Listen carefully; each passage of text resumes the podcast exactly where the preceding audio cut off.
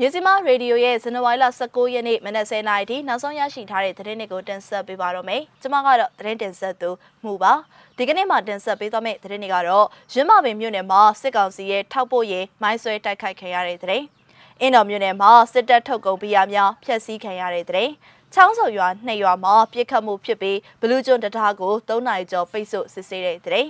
စစ်ရှောင်ပြည်သူ3သိန်း2000ကျော်ပြီလို့ UNO ချပြောတဲ့တဲ့အစရှိတဲ့သတင်းတွေကိုတင်ဆက်ပေးသွားမှာပါ။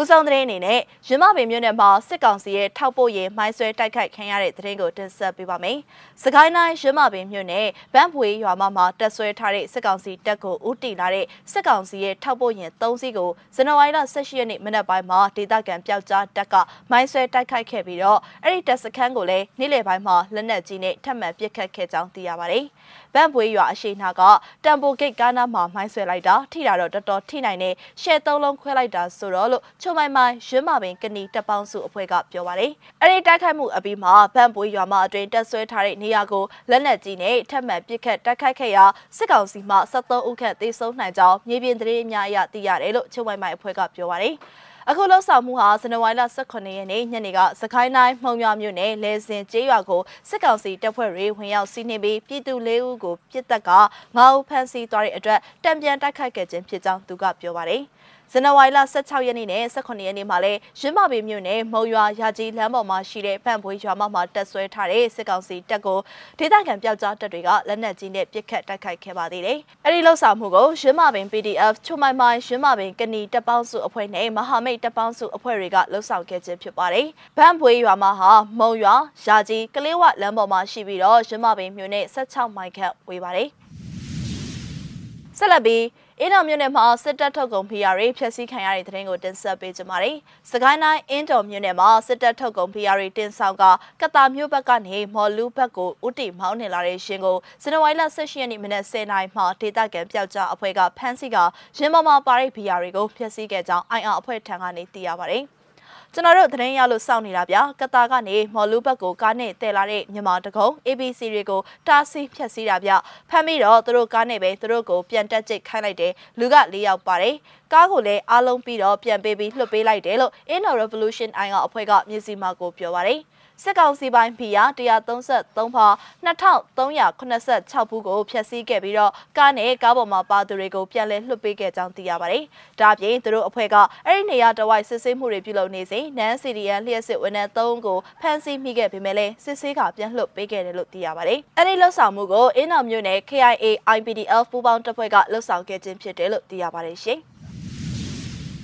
ဆက်လက်ပြီးတော့ချောင်းဆောင်ရွာနှစ်ရွာမှာပြစ်ခတ်မှုဖြစ်ပြီးဘလူးကျွန်းတံတားကို၃နိုင်ကျော်ပိတ်ဆို့စစ်ဆေးတဲ့တဲ့ရင်ကိုတင်ဆက်ပေးကြပါမယ်။မွန်ပြည်နယ်ချောင်းဆောင်မြို့နယ်အတွင်းမှာရှိတဲ့ရွာနှစ်ရွာမှာမနေ့ကမနက်ပိုင်းကပြစ်ခတ်မှုတွေဖြစ်ပွားခဲ့တာကြောင့်ဘလူးကျွန်းတံတားကို၃နိုင်ကျော်ပိတ်ပြီးတော့စစ်ဆေးခဲ့တယ်လို့သိရပါတယ်။မနေ့ကမနက်ပိုင်းမှာချောင်းဆောင်မြို့နယ်ဘလူးကျွန်းတောင်ဘက်ခြမ်းမှာရှိတဲ့ Cry 2နဲ့ Cry နီလို့ရွာတို့မှာတိုက်ခိုက်မှုတွေဖြစ်ပွားခဲ့တာကြောင့်ဘလူးကျွန်းတံတားကိုနှစ်ကင်း12နာရီလောက်ခရဲကပိတ်ထားခဲ့ပြီးတော့ညနေ3နာရီမှာတံတားပြန်ဖွင့်ပါတယ်။ Cry 2မှာကအိမ်တအိမ်နဲ့လက်လုံဘုံပစ်သွင်းတဲ့ခရိုင်နီးရွာမှာကြတော့တနက်နေ့ဖြစ်တယ်ဖြစ်စဉ်နှစ်ခုစလုံးကလူထိခိုက်မှုမရှိဘူးနှစ်ခုစလုံးကစစ်ခွေးအုပ်ချုပ်ရေးပိုင်းတွေနဲ့ပတ်သက်တဲ့အိမ်တွေလို့သိရပါတယ်အသေးစိတ်ကိုတော့မသိရသေးဘူးလို့ချောင်းစုံမြို့ပေါ်မှာနေတဲ့တက်ကြွလှုပ်ရှားသူတအုပ်ကပြောပါတယ်ခရိုင်နီးဟူရွာတိုက်ခိုက်မှုမှာအမျိုးသမီးတအုပ်ရဲ့နာမည်ကိုအိမ်ရှိကနေလှမ်းခေါ်တာကြောင့်တကားဖွင့်ပြီးထွက်ကြည့်စမှာတနက်နေ့လှမ်းပစ်ခြင်းဖြစ်ပြီးတော့ထိခိုက်မှုမရှိဘူးလို့သိရပါတယ်ဘလူးကျွန်းတားကိုပိတ်ထားလို့ဟိုဘက်ဒီဘက်ကားတွေဆိုင်ကယ်တွေပိတ်နေရောလို့သူကပြောပါတယ်အကြမ်းဖက်စစ်တပ်ဟာတရားကိုပိတ်ဆို့စစ်ဆေးပေမဲ့ပြစ်ခတ်ခဲ့သူတွေကိုဒီကနေ့ညနေပိုင်းအထိမမိသေးဘူးလို့သိရပါတယ်။ နောက်ဆုံးသတင်းအနေနဲ့စစ်ဆောင်ပြည်သူ3သိန်း2000ကျော်ပြီလို့ UNO ချပြောတဲ့သတင်းကိုတင်ဆက်ပေးပါမယ်။အာနာသိမ့်မင်းချိန်ကစလို့မြန်မာနိုင်ငံတဝက်စစ်ပေးဆောင်ပြည်သူ3သိန်း2000ကျော်ရှိပြီလို့ကုလသမဂ္ဂလူသားချင်းစာနာမှုဆိုင်ရာညှိနှိုင်းရေးရော UNO ချကထုတ်ပြန်ထားပါတယ်။ဒီဇင်ဘာလ29ရက်နေ့ကိန်းဂဏန်းတွေအရ2021ခုနှစ်ဖေဖော်ဝါရီလ1ရက်နေ့ကတည်းကဖြစ်ပွားတဲ့တိုက်ပွဲတွေနဲ့လုံခြုံရေးအခြေအနေတွေကြောင့်နိုင်ငံတွင်းတိုက်ပွဲရှောင်ထွက်ပြေးနေရသူဟာ3သိန်း2900လောက်ရှိသွားပြီလို့ဆိုပါတယ်။ 2021ခုနှစ်ဒီဇင်ဘာလအတွင်းမိဖက်အနှဲငယ်သာပဋိပက္ခဖြစ်ပွားတဲ့နေရာတွေစီကတိုက်ပွဲရှောင်နဲ့အခြားထိခိုက်ခံစားရသူတွေစီရောက်ရှိခဲ့ပြီးတော့ထိခိုက်လွယ်သူလူထောင်ပေါင်းများစွာထံအရေးပေါ်စာနာမှုအကူအညီတွေရောက်ရှိနိုင်ဖို့သွာလာခွင့်ပုံမရရှိဖို့လိုအပ်နေတယ်လို့ထုတ်ပြန်ထားပါတယ်။ဒီဇင်ဘာလ15ရက်နေ့ကနေစပြီးမြဝတီမြို့နယ်အတွင်းမှာရှိတဲ့ KNU ထင်းချုပ်နယ်မြေလေးကစ်ကော်မြို့တစ်ကိုအကြမ်းဖက်စစ်တပ်ကဝင်ရောက်တိုက်ခိုက်စီးနင်းတာကြောင့်ထွက်ပြေးတင်းရှောင်ခဲ့တဲ့လူတောင်းနဲ့ချီတဲ့ဒေသခံတွေအနက်အနှဲငယ်သောမူလရွရွာကိုပြန်ရောက်ကြပါသေးတယ်။လေးကစ်ကော်အုပ်ချုပ်ရေးတာဝန်ရှိသူတို့ကလေးကစ်ကော်နဲ့မေဝါခီကိုဘယ်သူမှပြန်လို့မရသေးပါဘူး။ပဟိကလောကိုတော့လူနေနေပဲဖုန်ကြီးเจ้าမှာပြန်နေတာရှိတယ်ဘလူးကြီးဆိုလည်းမပြန်ရဲကြသေးဘူးလို့ပြောပါတယ်လေကစ်ကောဝင်းကျင်ဒေတာကစစ်ပေးရှောင်အများစုဟာထိုင်းနိုင်ငံနဲ့စစ်ရှောင်စခန်းတွေထဲမှာရောက်ရှိနေစေပါပဲ